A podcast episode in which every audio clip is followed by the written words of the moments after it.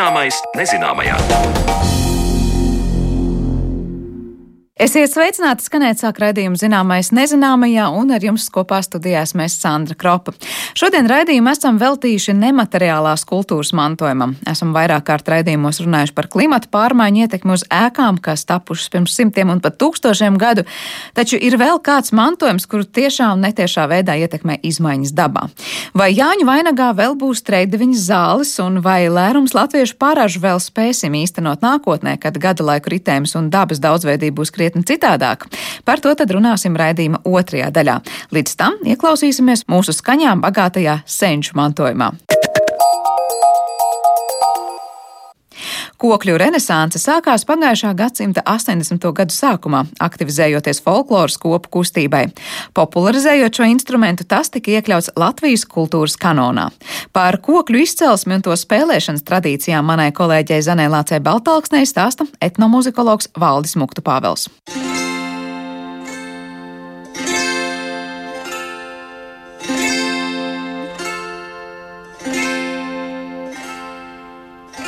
Bez šaubām jau aizvēsturiskos laikos latvieši ir pazinuši kokli, kā to pierāda viņas nosaukums.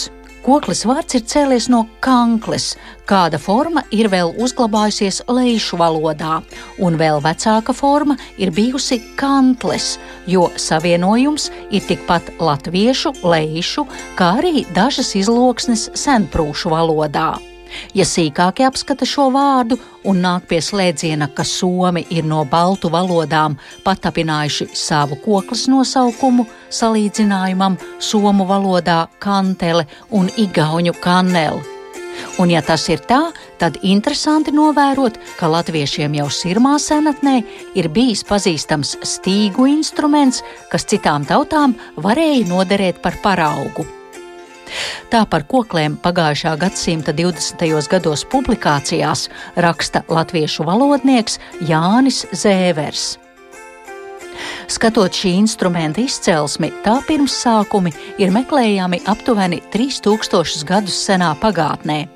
Senākais zināmais instruments glabājas Latvijas Nacionālajā vēstures muzejā, un uz šīs koklis ir iegrabts gadskaitlis 1710. Kā attālināti ierakstītā intervijā teica Latvijas Universitātes profesors etnomuzikologs Valdis Muktu Pāvels, tad iespējams šī kokle ir vēl senāka, jo tā ir atrasta kurzemē Raibenieku ciemā, kad kāds vīrs pēc Ziemeļu kara un mēra epidēmijas beigām ir staigājis pa pamestajām mājām un tad uzgājis šo kokli, kurā iegrebs minēto gadskaitli.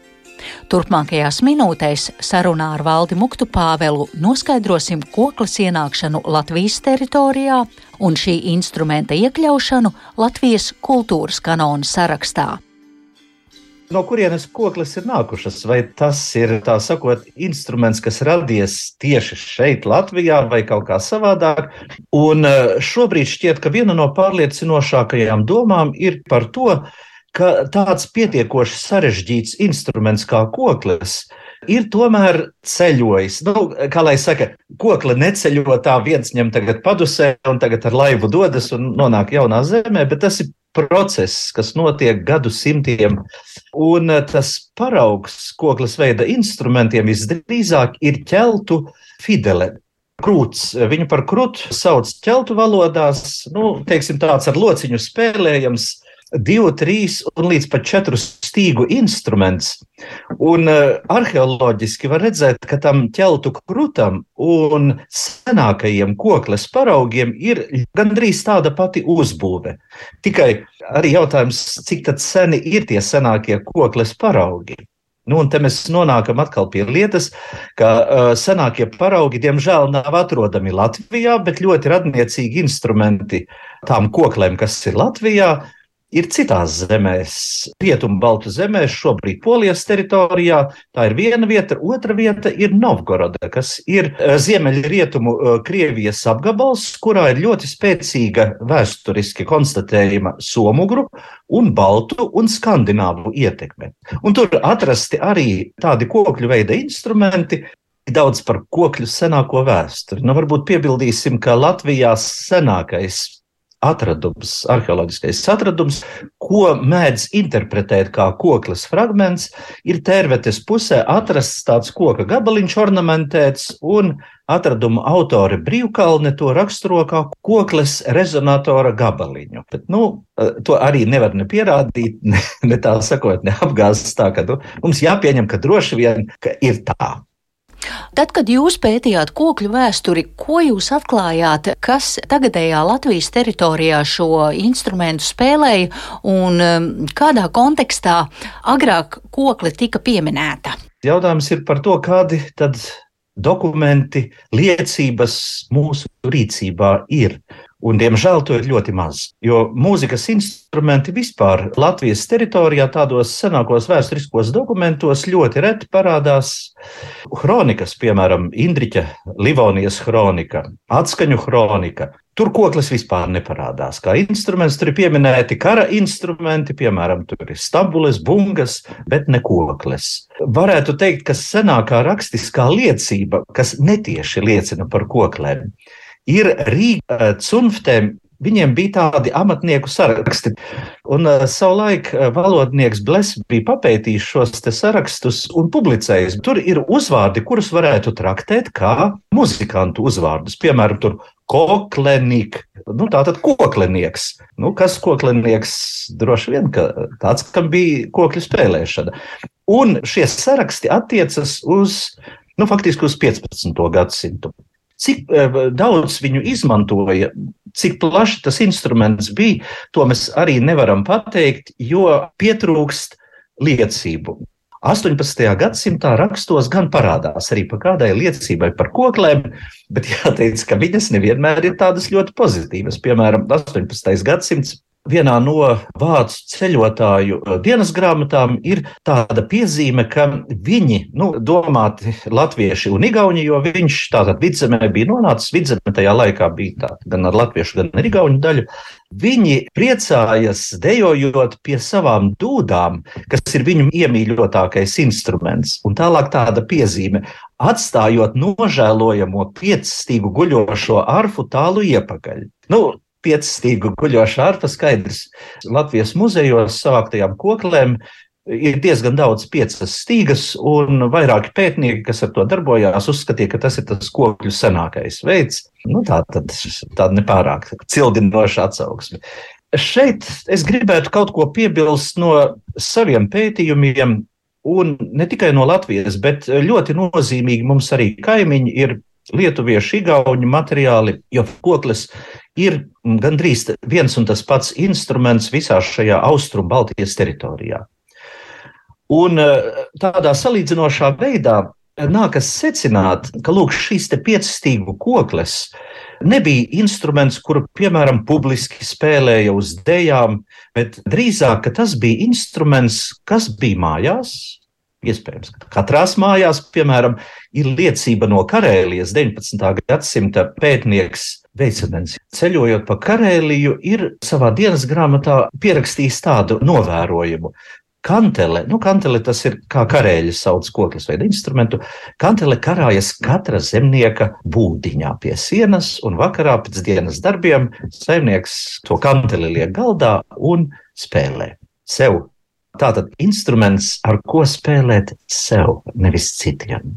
Un skaidrs, ka tāds instruments, varbūt ne tieši kā Karēlijā, bet iespējams vismaz koklis tēls folkloras tekstos ļauj domāt, ka līdzīgs lietojums koklei arī bija Latvijā. Tas bija tāds vairāk intīms instruments muzicēšanai sev.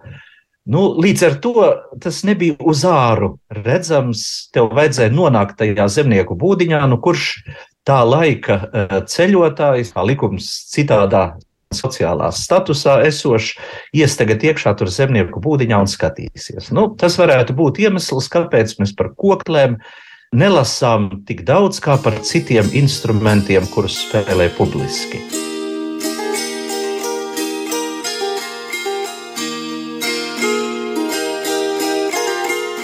Viena cita lieta ir, ka 19. gadsimta beigās, tad, kad folkloras un etnogrāfijas materiālu vākšana sākās, tad īstenībā koklēm tika pievērsta diezgan liela uzmanība, un Latvijas etnogrāfiskajās kolekcijās koklis ir visvairāk pārstāvētais instruments. Pateicoties etnogrāfei Īrisai Priedītei, ir Latvijas muzejos atrodamo instrumentu katalogs tapis un publicēts 80. gadu beigās. Un šajā katalogā mēs varam atrast apmēram 200 koklis. Neviens cits tautas instruments tik labi nav pārstāvēts. Tradicionālajām koklēm ir divi galvenie veidi - greptās un līmētās. Tieši no viena koka gabala greptās koklis ir uzskatāmas par tradīcijas kodolu. Tām ir raksturīgs neliels stīgu skaits no 5 līdz 12. Līmētās jeb cītaru veida koklis ir jaunāka variācija, kas ir radusies cītaru iespaidā 19. un 20. gadsimtu mijā, un tām ir raksturīgs no dēlīšiem līmēts korpus un daudz lielāks stīgu skaits no 15 līdz 90. Tā raksta Valdis Muktupāvels Latvijas kultūras kanona interneta vietnē sadaļā par koklēm. Šis instruments šajā mākslas darbu un vērtību kopumā, tas ir Latvijas kultūras kanonā, nonāca pateicoties tam, ka pagājušā gadsimta 80. gados aizsākās folkloras kopu kustība, kas popularizēja šo seno instrumentu kuri elementi nonāk kultūras kanonā. Protams, tur nepietiek, ka mēs vienkārši zinām, ka tāda lieta ir pastāvējusi. Tā tad ir vajadzīga arī prakse, ir vajadzīgi ne tikai individi, bet faktiski grupa, kopiena, kuriem šis elements ir lietošanā. Ja mēs runājam par tautas mūzikas instrumentiem, tad jā, patiešām tradicionālo kokļu renesanse, tas sākums ir faktiski 80. 81. gads. Folkloras kustības pirmajos gados Un lielā mērā šo renesansi ietekmēja tas, ka tika atklāts viens no tradicionālajiem koklētājiem, Jānis Poriķis, kas cēlies suitos, bet dzīves laikā bija pārcēlies uz Jaunciemu pie Rīgas. Un tika atklāts, tā sakot, folkloras kustības dalībnieki, kas tajā jaunciemā dzīvoja, arī atklāja, ka turpat blakus ir viens koklētājs. Tas vēl tradīciju ir apguvis tātad pārmantošanas ceļā.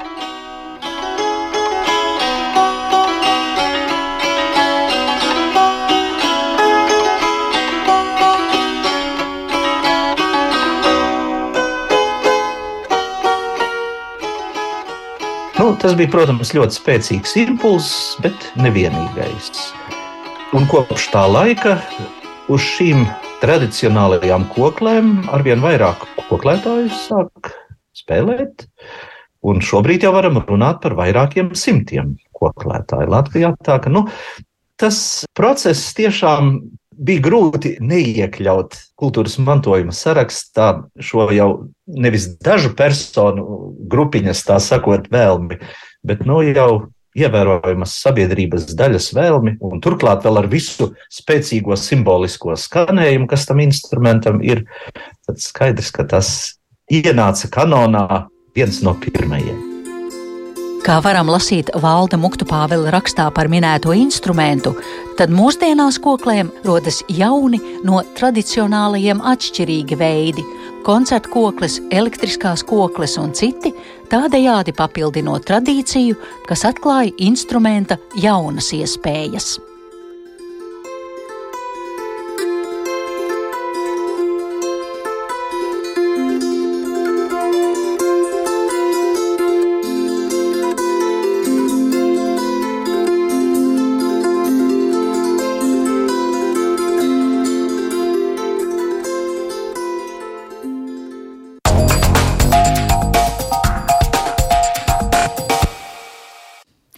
Paldies Zanē Lācē Baltāksnē par iepazīstināšanu ar kokli kā mūsu kultūras mantojuma sastāvdaļu, bet par klimata ietekmi uz nemateriālo mantojumu saruna pēc brīža.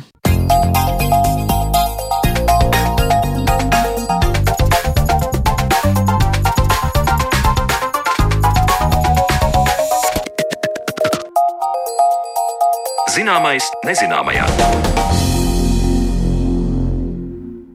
Par eh, klimatu pārmaiņām esam gana daudz runājuši, taču ir kāda mūsu dzīves joma, kur šķietam ir ļoti tālu no izmaiņām dabā un tomēr tik cieši saistīta. Nemateriālais kultūras mantojums, mūsu tradīcijas, paražas, veids, kā svinam svētkus, piekopjam senus amatus. Daļa no šī mantojuma ir cieši saistīta gan ar gadskārtu ritēm, gan to, kas atrodams apkārtējā vidē. Kā fenoloģiskās izmaiņas varētu mainīt šo mantojumu, par to te šodien uz sarunu esam aicinājuši Latvijas Kultūras akadēmiju Akadēmijas Kultūras un Mākslas institūta pētniecību Vītola. Labdien! Labdien! Kā arī pilsētplānotāja Viestura Celmiņa. Labdien! Sveiki! Es saprotu, ka pavisam nesen tika rīkot UNESCO konferences, gluži ne seminārs par, par šo tēmu, proti par to, kā mēs, mainoties klimatam, mainoties tam, kas notiek dabā, saskaramies un saskarsimies ar to, kāds ir tas mūsu kultūra vēsturiskais nemateriālais mantojums, kas var tikt piekopts, vispār ir iespējams, ka mēs to joprojām uzturam kādas tradīcijas dzīves. Izstāstiet, kas īsti notika un kas ir tās galvenās lietas, par kurām pētnieki satraucās. Fokus ir, protams, klimata pārmaiņa tematika, kas ir būtiska nu, teiksim, pēdējo 10, 20 gadu laikā.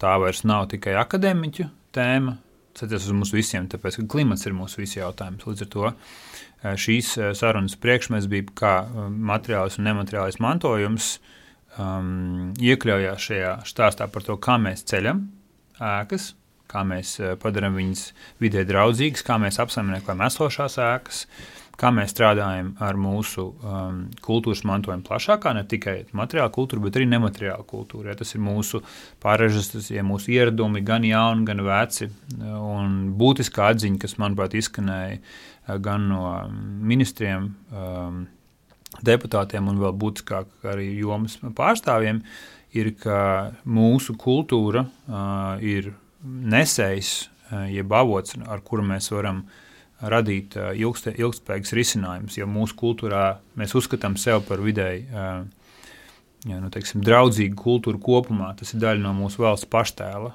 Tādēļ mēs domājam, kādā veidā šīs jomas pārstāvi, eksperti, pētnieki, akadēmiķi um, varētu būt noderīgi. Tā skaitā valsts līmenī šos jautājumus arī risināt. Mēs šajā pašā redzījumā pirms eh, jau kādu, kādu laiku runājām ar arī ekspertiem par to, kā nu, tādā pasaules eh, kontekstā kopumā ar klimatu pārmaiņām mēs saprotam dažādām arī dabas katastrofām, kā cieši dažādas ēkas, kas ir vispār kultūra vēsturiskais mantojums. Nu, ja mēs sākam ar Ēģiptes piramīdām un beidzām vēl ar dažādiem tempļiem, uh, tur arī bija stāsti gan par zemestrīcēm, gan plūdiem, gan, gan stiprām vēja brāzmām un daudz ko citu. Kur mēs Latvijā ar ko visvairāk saskaramies, ja mēs runājam par kultūras mantojumu un klimata izmaiņām, vai te mēs runājam par ūdens līmeņa celšanos, par plūdiem, par, par ugunsgrēkiem, par ko? Jā, tas, tas, kas izskanēja konferencē, man ir divi, divi, komentāri par šo jautājumu. Konferencē izskanēja referāti no universitātes pētniekiem un akadēņiem, kad gan arī visās jomās, kā to varētu mērīt, to, ka ir vai nav pārmaiņas nu, visās šajās jomās, gan tur, nezinu, temperatūras, gan arī ūdens, ūdenskrātuvju pārmaiņas gadu griezumā. Erozija visā šajās, visā šajās jomās mums ir būtisks un teikt pātrinājums. Jā, visā šajās radītājos un indikatoros tas ir numur viens. Un kāds tam ir iespējas uz, uz apkārtēju vidi, protams, ir, ka mēs zinām, ir šie divi galvenie pārmaiņu nu, vadītāji. Jā, tas ir veids, kā mēs dzīvojam, Ar to mēs domājam ēkas un, un, un energoapgāde un kā mēs pārvietojamies. Šodien mēs runājam par to dzīvesveidu.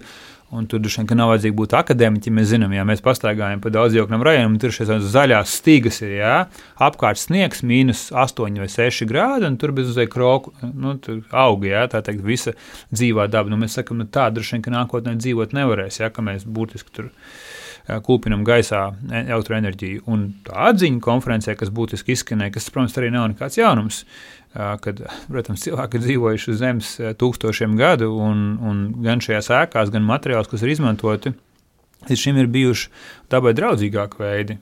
Ko mēs ar to varam pateikt? Ka vairums ēkas, kas ir nezinu, tur 60, 70 vai 80 gadus vecas, viņas īstenībā ir nu, teiksim, energonoturīgākas. Ja, un tās jaunās, kuras ir būvētas, ja, nu, tur bieži vien kā nu, kā nu ir gājis, viņas nav pārāk draudzīgas. Kāpēc es to saku?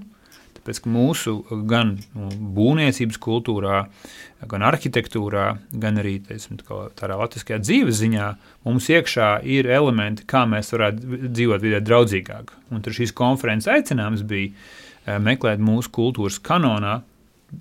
To, kas tur jau ir. Jā, jā un vienkārši meklēt, kā mēs varam šos jautājumus risināt uz priekšu. Tā skaitā ar būvniecības procesu, atkritumiem, um, enerģētiku un tā tālāk. Daudz arī arhitekti ir teikuši, ka patiesībā paskatoties, kas ir tā ilgspējīgā vai eko būvniecība, savulaik rakstīt mm, lietas, ja patiesībā nav nekas jauns. Tas ir labi aizmirst vecais, šobrīd pie, kam, pie kā atgriežamies.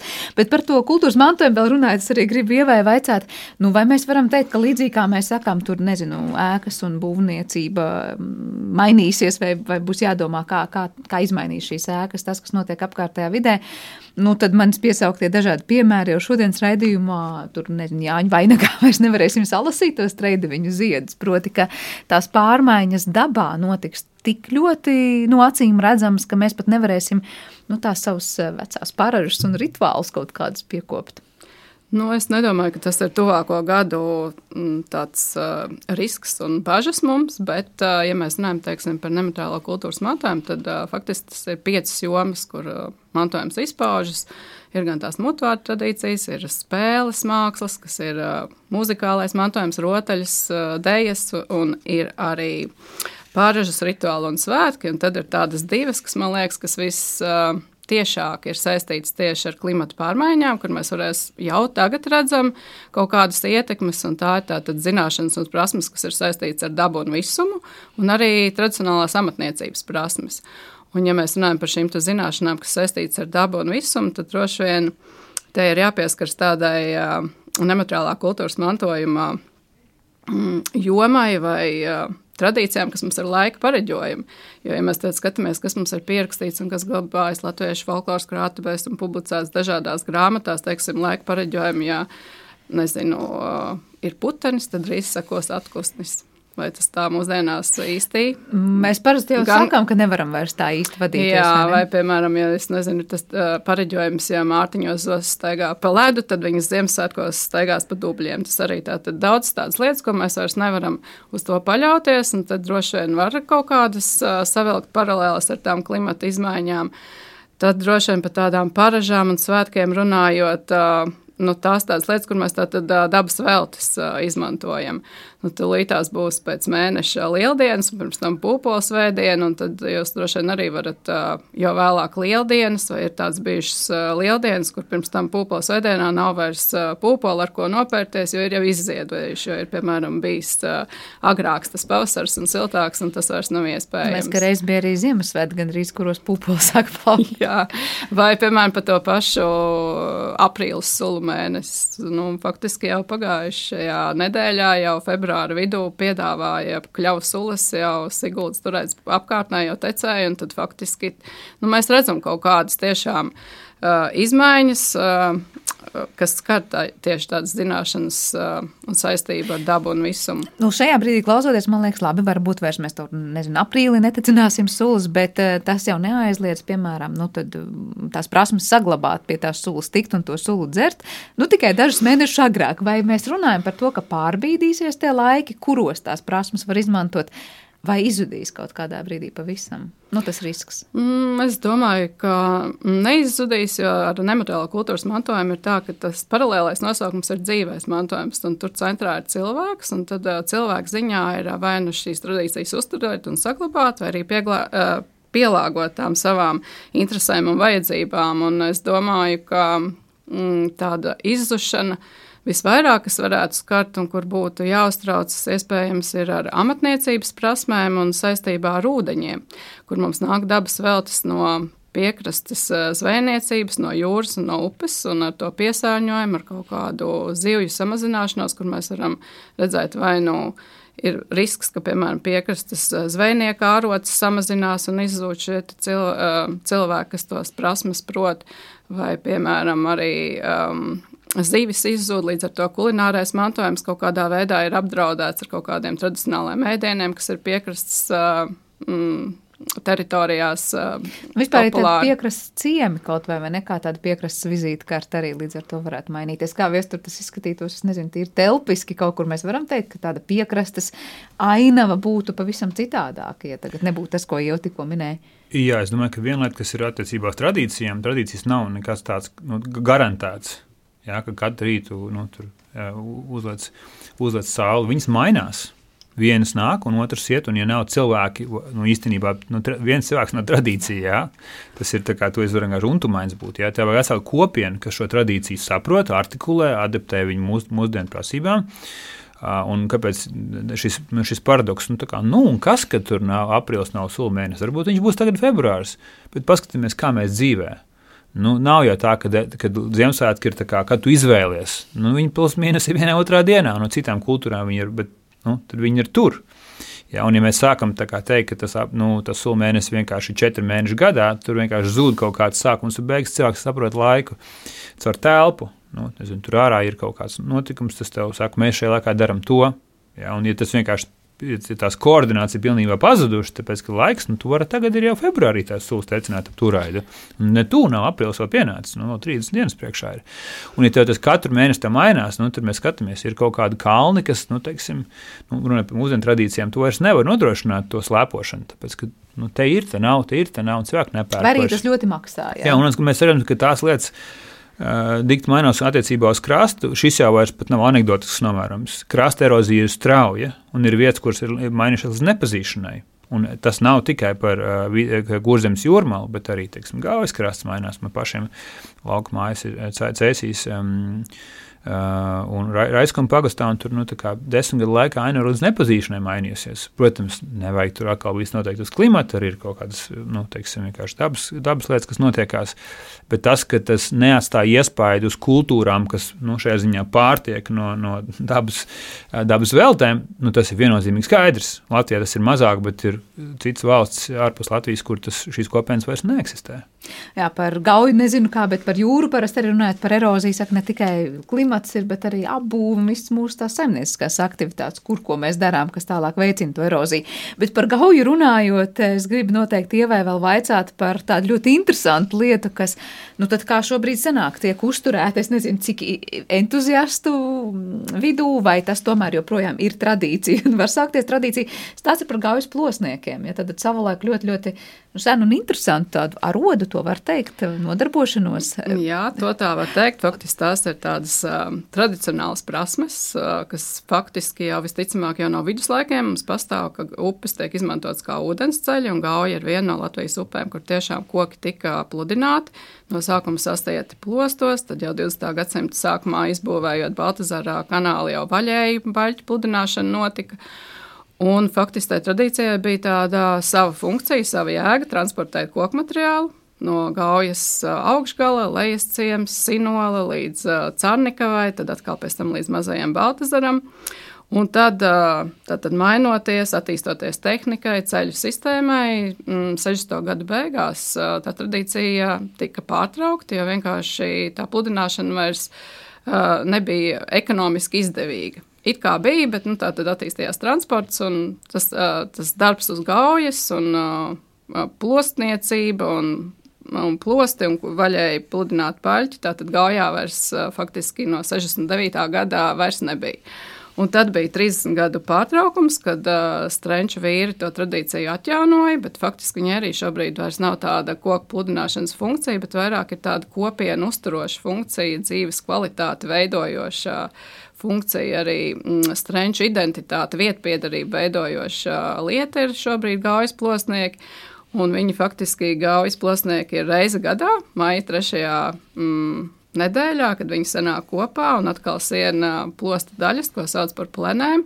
Tā ir trešdiena pie spicu tiltas, ir netālu no valkas. Un tad uh, divas dienas šis te. Uh, plosts, kas faktiski ir gandrīz 100 metrus garš, ar 12, 13 daļām vai plenēm, tiek lēnām pludināts pa gauju līdz strenčiem, un tad tur notiek tā kulminācija, gaujas plosnieku svētki, plosta svinīga sagaidīšana. Un faktiski, jā, tad uh, tiek iesaistīts gan tāds kopienas kodols, paši gājas plosnieki, gan arī tas, tie, kam tas ir uh, vai nu kādu plosnieku pēcteči, tiem, tiem šī tradīcija liekas svarīga. Viņi arī vienmēr uz gājas plasnieku svētkiem brauc.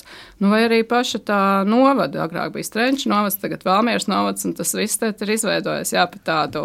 Nu, tādu turismu vai tādu izklaides eh, elementu. Jā, bet tāpat laikā tas ir tāds modelis, eh, kur mēs šīs prasmes varam reiz gadā atkal atjaunot, atkal saglabāt, iemācīt citiem un nodrošināt to tradīcijas pēctecību par spīti tam, ka gauja vairs nav ūdens ceļš. Vienkārši. Nu jā, šobrīd 21. gadsimtā arī nebūtu prāta darbs teikt, ka mēs pludināsim kokus tādā veidā, nu, saimnieciskos mm. nolūkos, bet kāda vieta ir šīm tradīcijām, kas no vienas puses ir tādas unikālas, ja no viduslaikiem saglabājušās, un liekas, nu, ja var uzturēt to prasmi, kāpēc to neuzturēt un reizi gadā, nu, tad pa svētkiem to, to piekopt, vai ar to pietiek, lai tā tradīcija paliktu dzīva, un nu, ko tad mēs vēlamies no viņas tālāk?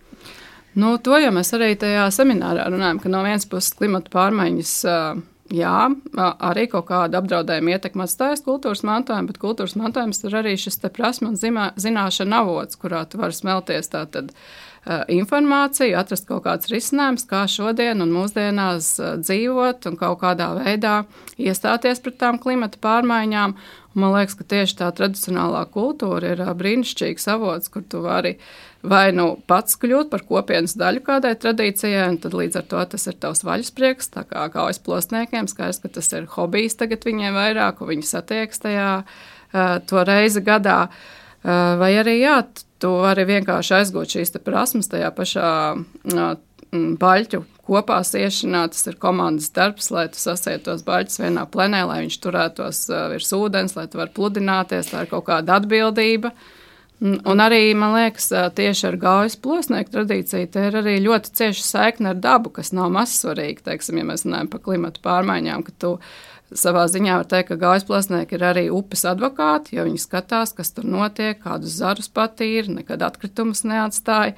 Arī tāda nianses, piemēram, skaidrs, ka tos baļķus nopludinot sasietus plenēs, viņus jau tālāk neaizved uz rūpnīcām, kā tas bija agrāk, bet uh, tad tie tiek atkal atsieti vaļā, un tas baļķis kalpo 3 līdz 5 gadus uh, šai prasmes uzturēšanai. Un tādā veidā tas arī kaut kādā tādā aprits ekonomikas principā balstīts. Bet es atkal iedomājos, jā, viesturunā, ka bija piebildi. Jā, es domāju, ka nu, ir, mums, ir, mums ir vairākas epizodes, kur šis um, jautājums par tradīciju kļūst uh, būtisks, tiksim, arī pilsētplānošanas kontekstā. Mums bija ļoti interesants referāts no Kuldīgas, galvenā arhitekta un, un būvniecības vadītāja par mums zināmā fenomenu par, par kuldīgas koku logiem. Jā, bija brīdis, kad kuldīgas nu, teiksim, amatpersonas un eksperti teica, ka šī ir, te, šī, šī ir joma, kas mums jāsargā. Jo kas ir tad, kad tu ej pa pilsētu, tu jau tā neapzināti neskaties uz katru rūti jā, vai uz katru logu. Bet tad, kad tu ej desmitiem ēkām galā, garām, un tas, ka tev ir vienots motīvs gan materiāla izvēlē, gan, gan krāsā, gan, gan faktūrā, tev rada sajūta par viengabalainību. Un to tu nevari nekāda paša, nu, pašvaldība nevar panākt tādu sajūtu par pilsētas viengabalainību. Ja, un savukārt, brīdī, kad paša, kuldīgas iedzīvotāji pieņem lēmumu, ka uh, koku saglabāšana būs tāds kā nevis individuāla epizode, bet ka mēs kā kopiena viņus uzturēsim, tad pašvaldība ir iegūst milzīgāko resursu, kas tagad mēs sakam, kuldīgi ir 5 minūtes līdz UNESCO statusam. Un tas ir milzīgs pienesums pilsētai, un tas vairs nevis nāk no augšas kaut kāds kāds izlēma, ja, domē, bet paši iedzīvotāji vēlās saglabāt šo vērtību.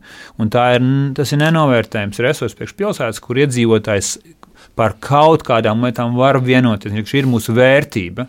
Ja? ja visiem tā vērtība ir kā tiešām vienota. Jā, nevis uzspiest, ja tā kā kaut kāda Brisele vai tā doma kaut ko uzspiež, bet mēs paši gribam, ka tā pilsētā tā izskatās. Un tāpēc tā, tā tradīcija ir ļoti, ļoti būtiska. Nu, kas tad rada to mūsu valsts sajūtu un kaut kādu, nezinu, modernu ideju par patriotismu?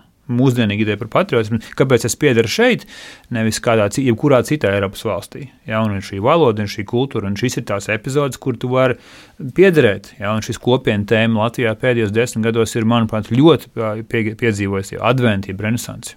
Bet, ja mēs skatāmies ar šo kopienas nozīmi, kaut vai par tiem pašiem gaujas plosniekiem runājot, kas ir nepieciešams, lai tā tradīcija būtu no vienas puses ir cilvēki, kas, kā viesturs tikko teikt, kuriem tā ir vērtība, kas grib to uzturēt, bet no otras puses man nāk prātā, es nezinu par to posmu tieši kaujā, kā tur izskatās un kā klimata pārmaiņas to skar. Bet, nu, ja vienā brīdī, nezinu, vasarā mēnesi upe nav kuģojama vai gadījumā plostojama ūdens līmeņa kaut kādu svārstību dēļ, mēs varam teikt, ka mēs, mūsu spēkos vispār ir uzturēt šo tradīciju dzīvi. Proti, ka tā daba varbūt pat vienā brīdī mums pateiks, nē, gaujā vairs nevarēsim nodarboties ar to, ko viduslaikos tur nodarbojās, jo, jo upe mainās. Nu, jāsaka, droši vien ar to, ka faktiski vispār gaujas plostiem ir sezonalitātes raksturs. Faktiski tie baļķi tika pludināti pa lielo ūdeni, kad noskrien palūdens un kad ir gaujā vēl liels ūdens, jo gaujā ir raksturīgs arī tā saucamās žviras un sēras un asie līkumi, un tur vajag lielu straumi un lielu ūdeni, un faktiski agrāk arī uh, pludināja līdz jāņiem. Un tagad arī tie gaujas plosnieku tradīcijas uzturēšana, tāpēc maijā notiek nevis augustā vai rudenī, kad uh, gaujā tiešām ir zemes ūdens līmenis un gauja tādā ziņā ar tām plustošo gultni un mainīgām smiltīm, uh, tad tas nebūtu iespējams. Uh, Bet es teiktu, ka nemateriālā kultūras mantojuma pamatā ir galvenokārt cilvēks un kopiena. Ja nebūs uh, intereses un paša darītāja, tad arī nekas nebūs. Bet jā, es tagad iedomājos, ja mainītos tagad un vairs mājā nevarētu pat nodarboties ar to plostu laišanu, bet tas būtu jādara, nu, līdzīgi kā mēs te pa sulu mēnesi runājam, vispār iet varbūt pa dažiem mēnešiem. Nu, piemēram, martā. Uh, nu, atkal es domāju, tā ainava, kas nāk līdzi maijam ar to, kāds ir gaujas krasts, ir arī ar savu nemateriālo pievienoto vērtību, ko mēs nevarētu tur atrast martā, ja, ja piemēram, ūdens līmenis nu. atļautu, bet ziedošas sievas laikam krastos nebūtu. Mm, tas gan tiesa, jā. Eh, vēl par eh, vienu piemēru, ko noteikti gribētu vaicāt. Eh, nu, mēs tagad arī bieži domājam, nu, kaut kā šajā, šajā gadā mūs sagaida dziesmu svētki, vai ne? Un arī ļoti kultūras ziņā ļoti spilgts notikums. Ja karstuma rekordi sasniedz ar vien lielākus apjomus, ko mēs daudz dzirdam, mēs esam dzirdējuši par maratonu rīkošanu un daudz ko citu, ka ir spiesti citos laikos sākt to darīt, jo ir pārāk karsts, lai varētu cilvēku to, to īstenot tautas stērpos cilvēki dzied un dejo. Ja? Vilna. Vilna. Un tad es iedomājos, ja būs tādi kārtīgi karstuma viļņi, vai mēs, ko teiksim, mēs mainām dziesmu svētku laiku un, un, un vietu, vai mēs mainām, es nezinu, plānākus tautas stērpus sākam darināt. Nu, kā, kā tālāk, kā, kas notiks ar to, kā klimats var mainīt, bet tādu lietu kā dziesmu svētku un tas, kādos tērpos mēs esam. Jā, nu, es, es, es domāju, ka šis jautājums ir nevis vai, bet kad. Ja? Vienas, kad šie karstumi viļņi nāk, un, nu, ja tu neesi padomājis par to, ko nezinu, tur astoņgadīgam, septiņgadīgam bērnam, vai arī pat īstenībā pieaugušam nav pietiekoši atbilstošs apģērbs, nu, tad ko tu, tu kam tu sūdzēsies? Nu, kam tu sūdzēsies? Brīcim, nu, par ko viņš nav vainīgs. Vai vienāds, kad, vienāds, kad mēs redzam, ka tie karstumi viļņi nāk ar vien vairāk, ja, un ja nu tās trāpās, nu, ne jau brīcis vainīgs, ka tur ir 529 ja, un saulē 34 iespējams. Līdz ar to tas jautājums ir jārisina tagad, gan par ūdens pie, pie, pie, pieejamību, gan par nezinu, tur, ja, cik tie tērpi ir lieli, vai mēs rīkojam viņus varbūt augusta beigās, ja, varbūt jūnija sākumā, kur nu, ir mazāk ticamība, ka tie karstumi viļņi būs. Bet tas, ka viņi notiekās pilnīgi visās geogrāfijās, nu, tev jābūt vienkārši lielam, lielam eh, rūgumpoļam, lai nepamanītu to. Mm. Būs piebildi par tiem? Uh, jā, man liekas, bija viena jau skolēna dziesmu svētku, mm. kur mhm. bija ārkārtīgi liels karstums, un tad tika piesaistīts ugunsdzēsēju mašīnas, kas aplaistīja tos mazos dejotājus stadionā. Bet droši vien arī var runāt par kaut kādu koncertu laiku pārcelšanas datumu. Var arī iespējams skatīties, ko darījuši ir latviešu diasporā, kas dzīvo Austrālijā, Dienvidā, Amerikā, kur ir šis cits klimats, un tad viņi arī pielāgo šos tautas starpus, lai vizuālais tēls saglabājas, bet lai tas ir tomēr atbilstoši un izturami. Vēl par dažiem svētkiem runājot, nu, nēģu svētki arī, es domāju, ir kaut kas ļoti, ļoti tāds tradicionāls, kas noteiktās vietās sev piesaka noteiktās nedēļas nogalēs vasarā. Uh, Um, nu, te mēs atkal runājam, vai ar laiku mēs domājam, tas pāries uz citu brīdi vai nezinu, dabas daudzveidības samazināšanās un daudz citas mūsu bioloģiskās daudzveidības krīzes, kas sev piesaka, vienā brīdī pateiks, mums ir jāatsakās vispār no tādiem svētkiem, jo nav, piemēram, tik daudz zivju konkrētajā vietā un laikā.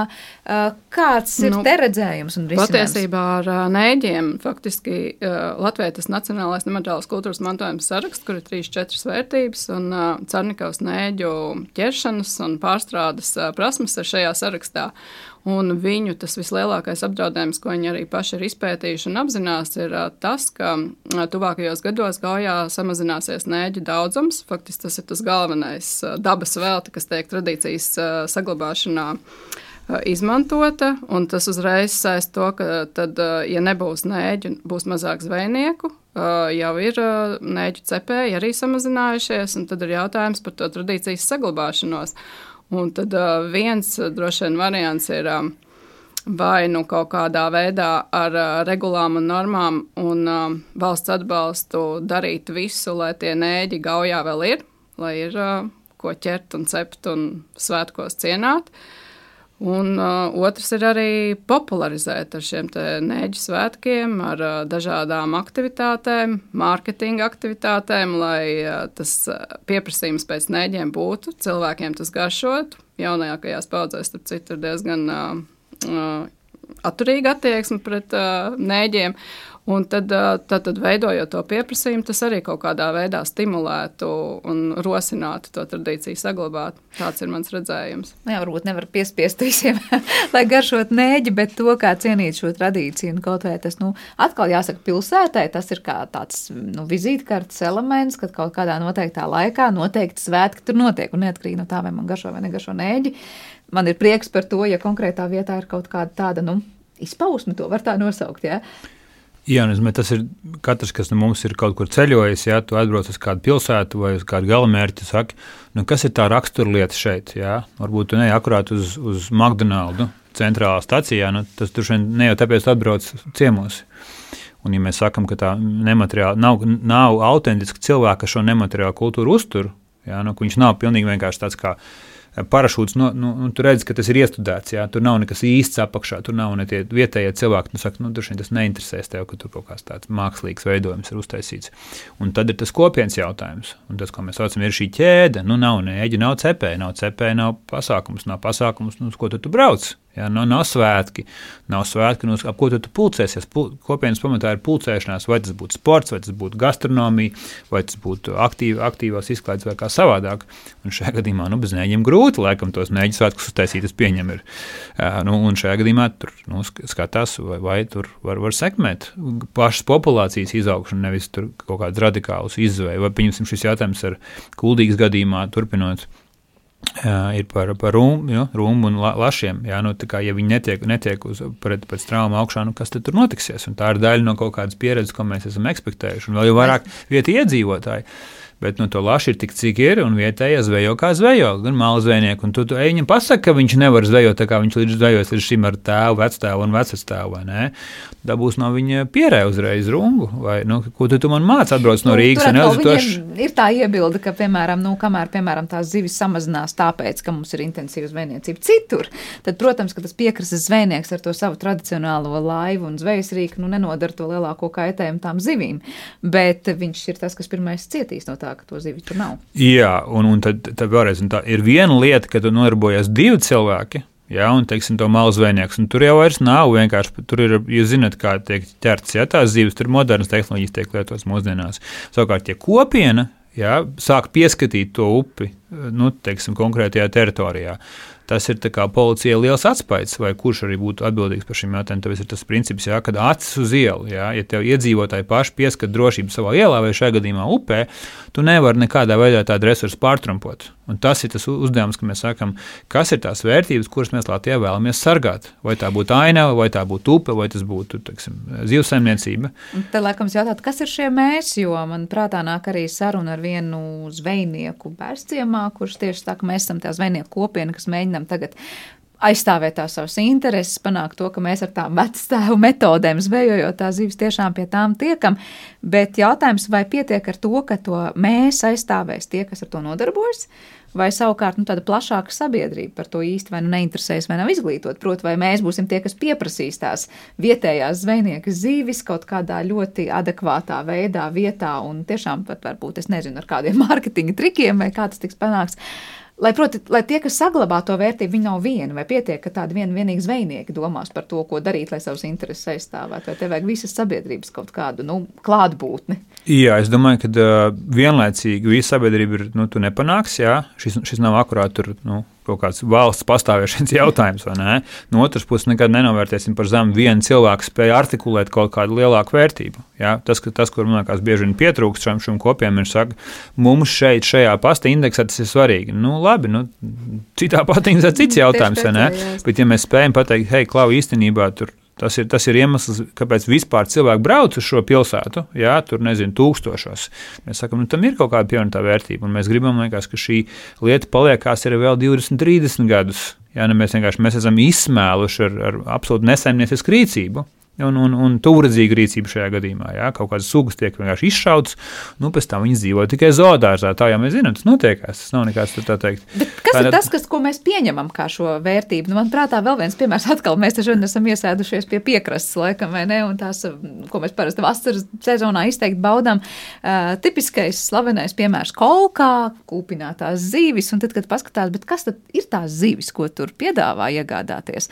Nu, daudzās vietās nebūs tikai tur tās būtības butes vai kas cits, bet tur būs paltus un vēl kas, nu, kas saprotams, nu, nu nav, nav notvērts, no kolkas. nav no kolkas. Jā, tad ir, vai mums pietiek ar to, ka mums vienkārši būs skaista vieta, pie jūras ciemats, kūpināta zivs, bet Bet tā nebūs šejienes zivs. Jā, bet kā, tur, tur visam ir savs laiks. Mēs zinām, ka Latvijā skatāmies plašāk. Nu, nebija mums tādas aktīvas vīna kultūras.